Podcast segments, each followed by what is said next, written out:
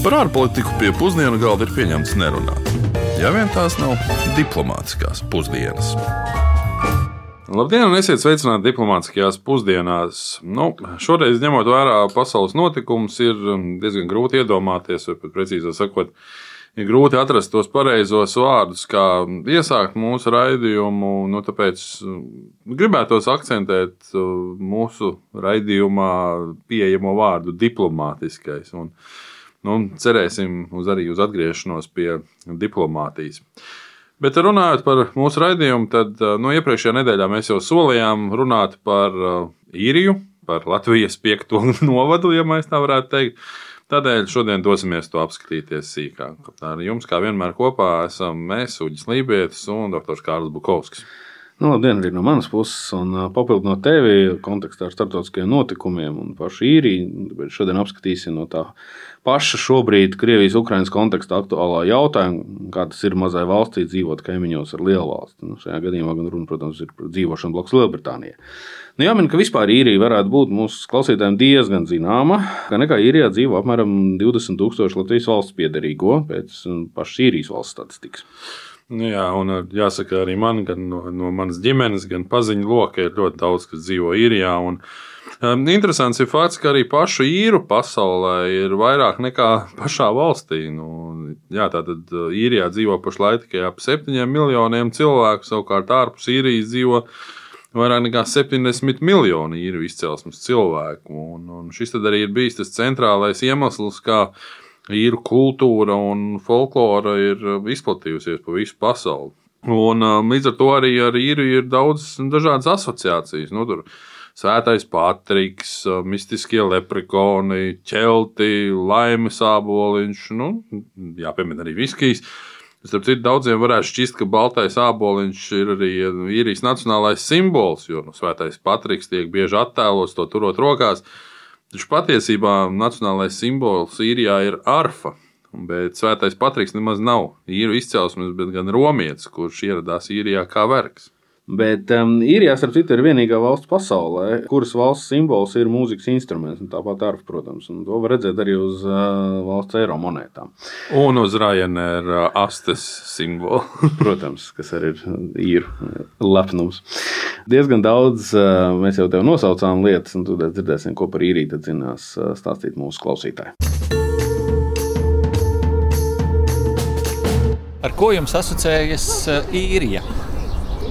Ar rūtēniem svārkiem, alu, elfiem. Eiropas Savienības dalībvalsts, valsts sala. Latvieši daudz dzīvo īrijā. Nu tā. Mhm. Oranžs, zaļš, mēs karoks viņam bija balts. Nu, tā jau mums te pavisam netālu ar skaistiem pakalniem, zaļiem. Ļoti skaista valsts. Nu, problēmas tur bija reliģiskās ar kaimiņos esošajiem cilvēkiem. Mhm īrija ar um, alu un uh, bāriem. Nu, droši vien uh, viena no Eiropas valstīm, kur visvairāk latvieši ir izbraukuši. Īrija ir viena no retajām zemēm, kur es bijusi nesmu, bet, protams, tā ir uh, zaļa, skaista zeme, svētā Patrika svētki, tā kā īru uh, krodziņi, kas arī šeit pat Latvijā ir. Īsti neko. Zinu, ka cilvēki daži brauc tur strādāt tikai. Neko nezinu. Par īru dzīvi blakus lielvalstī runājot, ir jāsāk ar dažus gadus senu vēsturi. Proti, nu, pirms īrijas brīvvalsts izveidošanas visa īrijas sala no 1801. līdz 1922. gadam bija daļa no Lielbritānijas un īrijas apvienotās karalistes.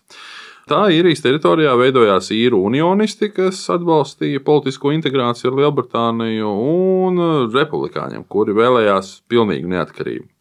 Un 1920. gadā salu tad arī sadalīja divās pašpārvaldes vienībās - Ziemeļīrijā un Dienvidīrijā, nu, kur Ziemeļīrija paliek apvienotās karalistes pāraudzībā un arī joprojām tur atrodas vēl šodien. Nē, un tāpēc nerunāt par Belfāstu un The Troubles, jeb nemieriem, kas bija un kaut kur joprojām iekšēji ir gruzdošs etniski, nacionāls, reliģisks konflikts Ziemeļīrijā.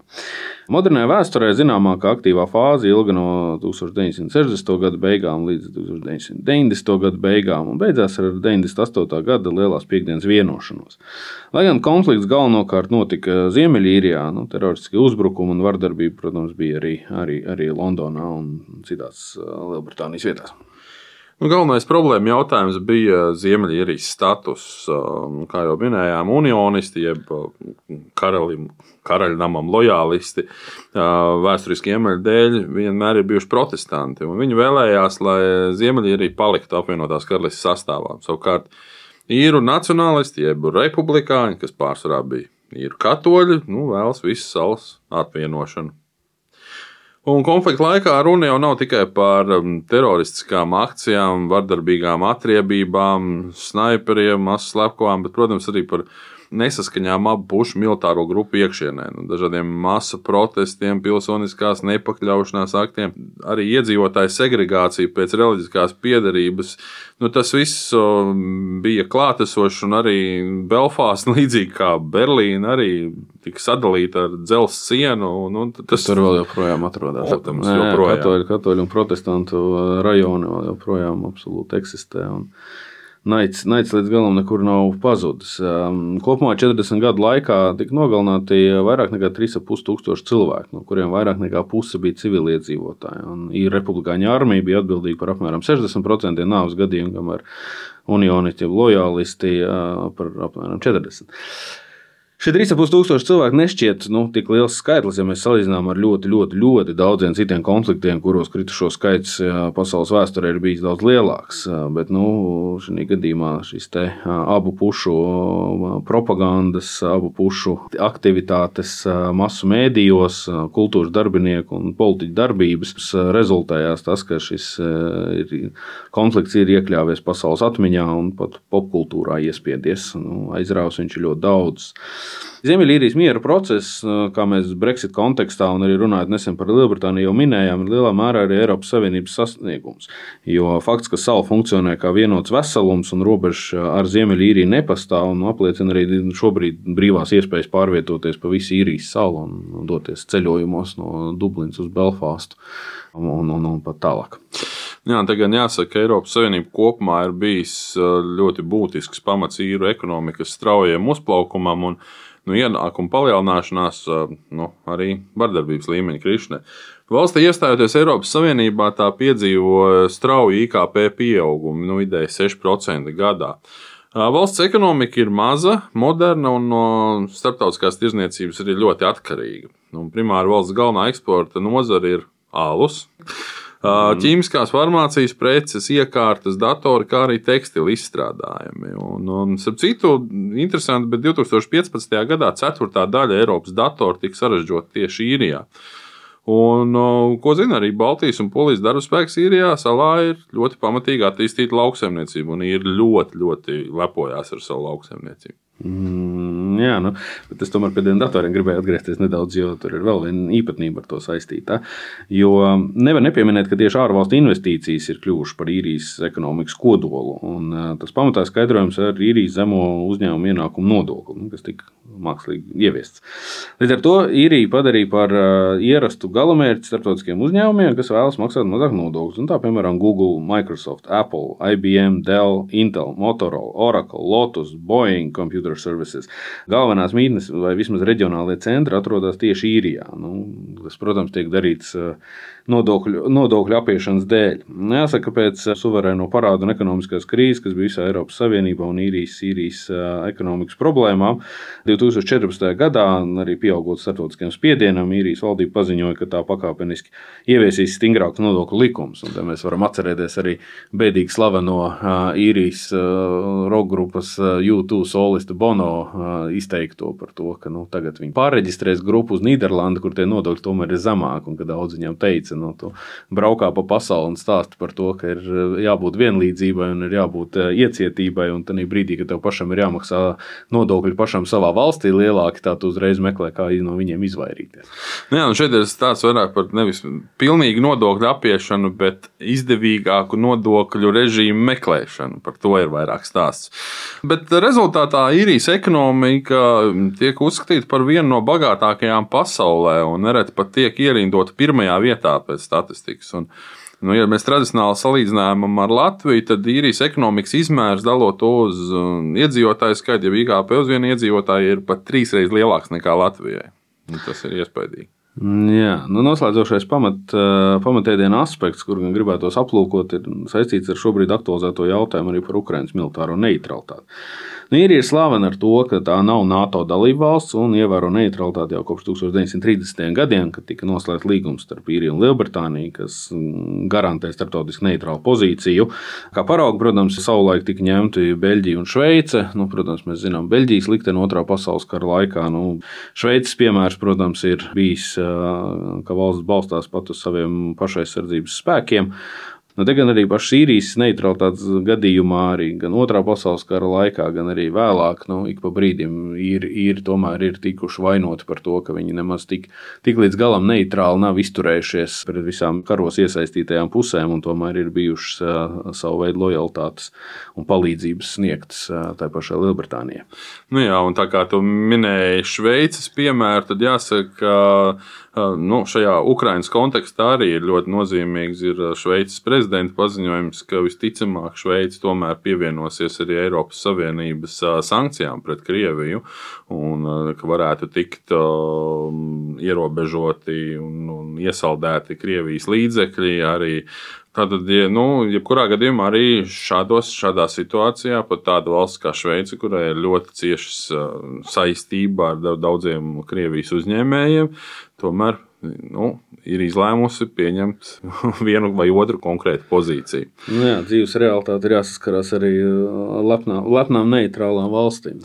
Nu jā, tas arī noved pie vēl viena jautājuma, nu, kādā veidā valsts varēja saglabāt šo neutralitāti, ja tai bija iekšēji valsts drošības izaicinājumi un kaimiņos konstanti atradās arī apvienotā karalista.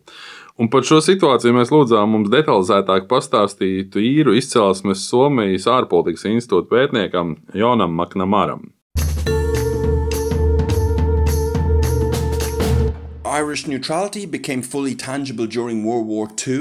Īrijas neutralitāte kļuva jūtama Otrā pasaules kara laikā, taču patiesībā tās pirmsākumi ir meklējami 20. gadsimta sākumā cīņā par īrijas neatkarību, kas saskanēja arī ar Pirmā pasaules kara sākumu.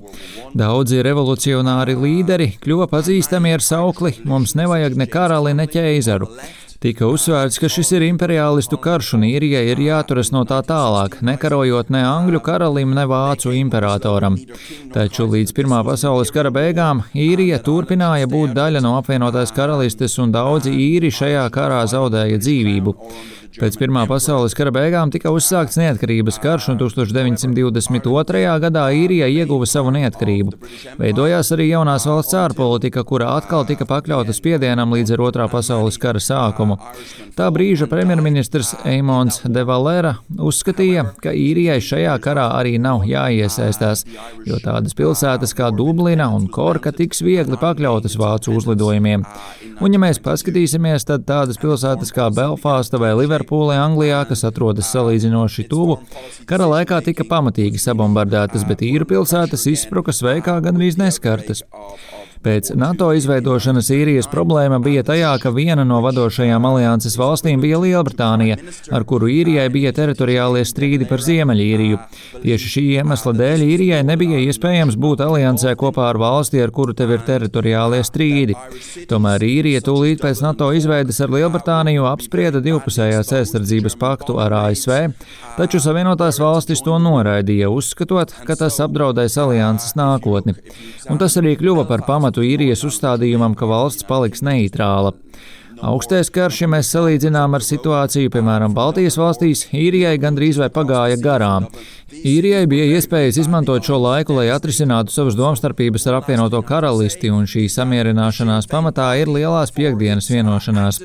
Tomēr pēdējos gados īrijas ekonomika ir ievērojami augusi, un īrija ir kļuvusi par lielāku hibrīdās iejaukšanās mērķi. Galvenokārt tas saistīts ar tās tehnoloģiju, gaisa un kosmiskajām tehnoloģijām un nozvejas zonām, taču īrijas militārās spējas nav varējušas tikt tam visam līdzi. Šajās nedēļās valdība ir izveidojusi īpašu komisiju par īrijas aizsardzības spēkiem, kura ir norādījusi, ka ir nepieciešamas visaptvarošas aizsardzības spēku reformas un attīstība. Vēl viena lieta, ko es gribētu pieminēt, partija Sinn Fein par savu aktivitāti īrijas sociālās nevienlīdzības jautājumos pēdējos gados ir ievērojami vairojusi savu popularitāti. Tā ir partija, kas joprojām ir opozīcijā, taču visticamāk nākotnē veidos valdību. Tā ir ļoti revolucionāri nacionalistiska partija, kura vienmēr ir uzsvērusi īru neutralitāti. Mums nevajadzētu gaidīt īpašu progresu īrijas attiecībās ar NATO, taču viena no Sinn Fein politiskajām dilemmām joprojām būs, vai tā turpinās īrijas status quo ar diezgan vāju aizsardzību, vai arī novirzīs naudu no sociālajiem projektiem spēcīgākai īrijas neutralitātei un arī aizsardzības spēju vairošanai. Tas viss būs atkarīgs no turpmākajiem trijiem gadiem un tā, vai viņi nonāks valdībā. Capacity should they arrive in government in the next few years. Neutralitāte nav vienkārša. Tā prasa resursus, un tā bieži arī tiek pārkāpta un netiek respektēta. Nu, Sevišķi, ja tu esi maza valsts un tavs neutralitātes pārkāpšana īstenībā nevienam neko nemaksā. Nu, mēs paši ļoti labi atceramies, kā vecās Latvijas laikā centāmies būt neitrāli, un neviens to pat īsti galvā neņēma. Īrijas neutralitāte respektē. Acīm redzot, jo tā ir strateģiski bīstama Lielbritānijai un arī gatava karot par sevi. Lai cik būtu paēdis, vienmēr ir vieta arī desertam. Nu, ja reiz īrija, tad uh, desertā šodien gribētos parunāt par ko muzikālu. Protams, um, diezgan, diezgan daudz esam atvēlējuši raidījumā vietu tieši Ziemeļīrijas jautājumu un valsts neutralitātei. Tomēr īrija slavena arī ar nu, tik ļoti daudziem mūziķiem. Nu, dažiem vai daudziem noteikti zinām būs gan The Course, gan The Cranberries, gan YouTube, protams, Eņa, The Pogues, My Bloody Valentine, Snow Patrol, Flogging Molly. Nu, ir bijuši īri, kas faktiski valdīja 90. Gadu mūzikas scēnā vai arēnā ar, ar, ar hitiem visās radiostacijās, katrai gaumei un vēlmei. Nu, protams, ka The Cranberries slavenā dziesma Zambija ir pretkara dziesma, un runa jau ir atkal par Ziemeļīrijas konfliktu. Jā, tas īrijā biju dienā, kad Cranberry soliste Doloriso Riordāna izdarīja pašnāvību. Starp citu, tieši viņas dzimtajā pilsētā Limerikā. Tad Nu, tajā dienā radiostacijās nebija nekā cita. Faktiski bija tikai Cranberries. Nu, jā, sajūta tāds diezgan seriāls bija, bet um, nu, jā, turpinot muzikālo tradīciju, atkal jāpiemina kaut kur Ukraiņas konflikts. Tad īrija ir Eirovīzijas dziesmu konkursā visvairāk uh, uzvarējusi valsts. Viņi to ir panākusi septiņas reizes. Un, un, un īri Eirovīzijas dziesmu konkursā ir piedalījušies 49 reizes, un kopš vispār pirmo reizi notiks 5. gadā, un kopš tā laika ir izlaiduši tikai divus konkursus - 83. gadā Minhenē un 2002. gadā Tallinā. Un, un īrijā pašā tas tiešām ir ļoti tāds plašs pasākums un, un, un, un tāda zināma apsēstība pat ar to ir. Lai arī nu, tur paši nu, pietiekoši daudz cilvēku, kas arī par to bišķi ieķiķina. Jā, tāpēc man nepārsteidz uh, folkloristiskā vai, vai, vai etniskā tuvība starp, starp īriem un latviešiem. Nu, dziedāšanas tradīcijas gan vieniem, gan otriem ir, ir, ir godā. Tieši tāpat kā arī alus darīšanas tradīcijas, acīm redzot, un droši vien daudz arī sagaidīja, ka minēsim īrijas alus darīšanas vēsturi, kas sniedz vairāk nekā 5000 gados senā pagātnē. Un īrijā ir trīs galvenie ražotāji - Guinness, protams, Smithwigs un Harp Lager. Un Dublinā, īrijas galvaspilsētā, katru dienu tiek saražoti apmēram 10 miljoni pintas Guinness, kas ir apmēram nu, nepilni, nepilni 6 miljoni litri Guinness alus. Jā, paradoxāli, bet dzeršana, to starp alus vispār ir galvenais īru kultūras aspekts, un varētu pat teikt, pēdējā laikā gandrīz vai viens no svarīgākajiem medicīniskajiem aspektiem, jo daudz cilvēku viens no galvenajiem ieganstiem, kāpēc iet vakcinēties pret uh, covid-19, bija iespēja vispār tikt uz krogu, tā arī daudz teica, ja jūs gribētu savakcinēt visus iedzīvotājus ļoti īsā laikā, vajadzētu atvērt krogus un līdz ar alu iedot iekšā arī poti, tad būtu divās dienās visu valsts būtu savakcinēta. Nu, īrijas, īrijas vakcīnu procents tiešām to arī parādīja. Jā, bet īrija kopumā ieņem sesto vietu pasaulē pēc vidēja alus patēriņa uz vienu cilvēku, par ko paši ir ļoti priecīgi. Savukārt Nigērija ir otrā valsts, kurā tiek lietots visvairāk Gīnes alus nekā īrijā. Nu, pirmā ir Lielbritānija, un tikai tad seko pati īrija. Par Guinness kādreiz bija tāds teksts, ka īsts Guinness vispār ir pieejams tikai, ja nemaldos, 100 jūdžu rādījusā ap rūpnīcu. Tālāk ir eksporta variants. Un pats garšīgākais Guinness, ko es esmu savā dzīvē dzēris, tas ir Dublinā. Guinness rūpnīcā ir Guinness muzejs. Izejot piecus stāvus, ja nemaldos, sestajā, tad dabūs svaigi spiestu, gribēju teikt, svaigi spiestu Guinness pinti. Tas tiešām garšo pilnīgi savādāk. Mm. Nu, jā, nu ar šo te tevis minēto garšīgo ziņu, ziņu jā, des, desertam atbilstošo ziņu noslēdzam šodienas raidījumu. Un dosimies mēs nākamajā raidījumā atpakaļ uz Āfriku. No vienas no pasaulē bagātākajām valstīm dosimies uz vienu no pasaulē pašām, pašām nabadzīgākajām valstīm, respektīvi uz Etiopiju. Bet līdz tam, lai viss mierīgi! Atgādināšu tikai, ka mūsu raidījums ir klausāms gan Latvijas radio mājaslapā, gan podkāstu formā, jūsu iecienītajās mūzikas straumēšanas vietnēs. Šo raidījumu palīdzēja veidot Rihards Plūme un Aleksandra Palko. Uz sadzirdēšanos jau pēc nedēļas. Diplomātiskās pusdienas katru otrdienu pusdienos Latvijas Radio 1.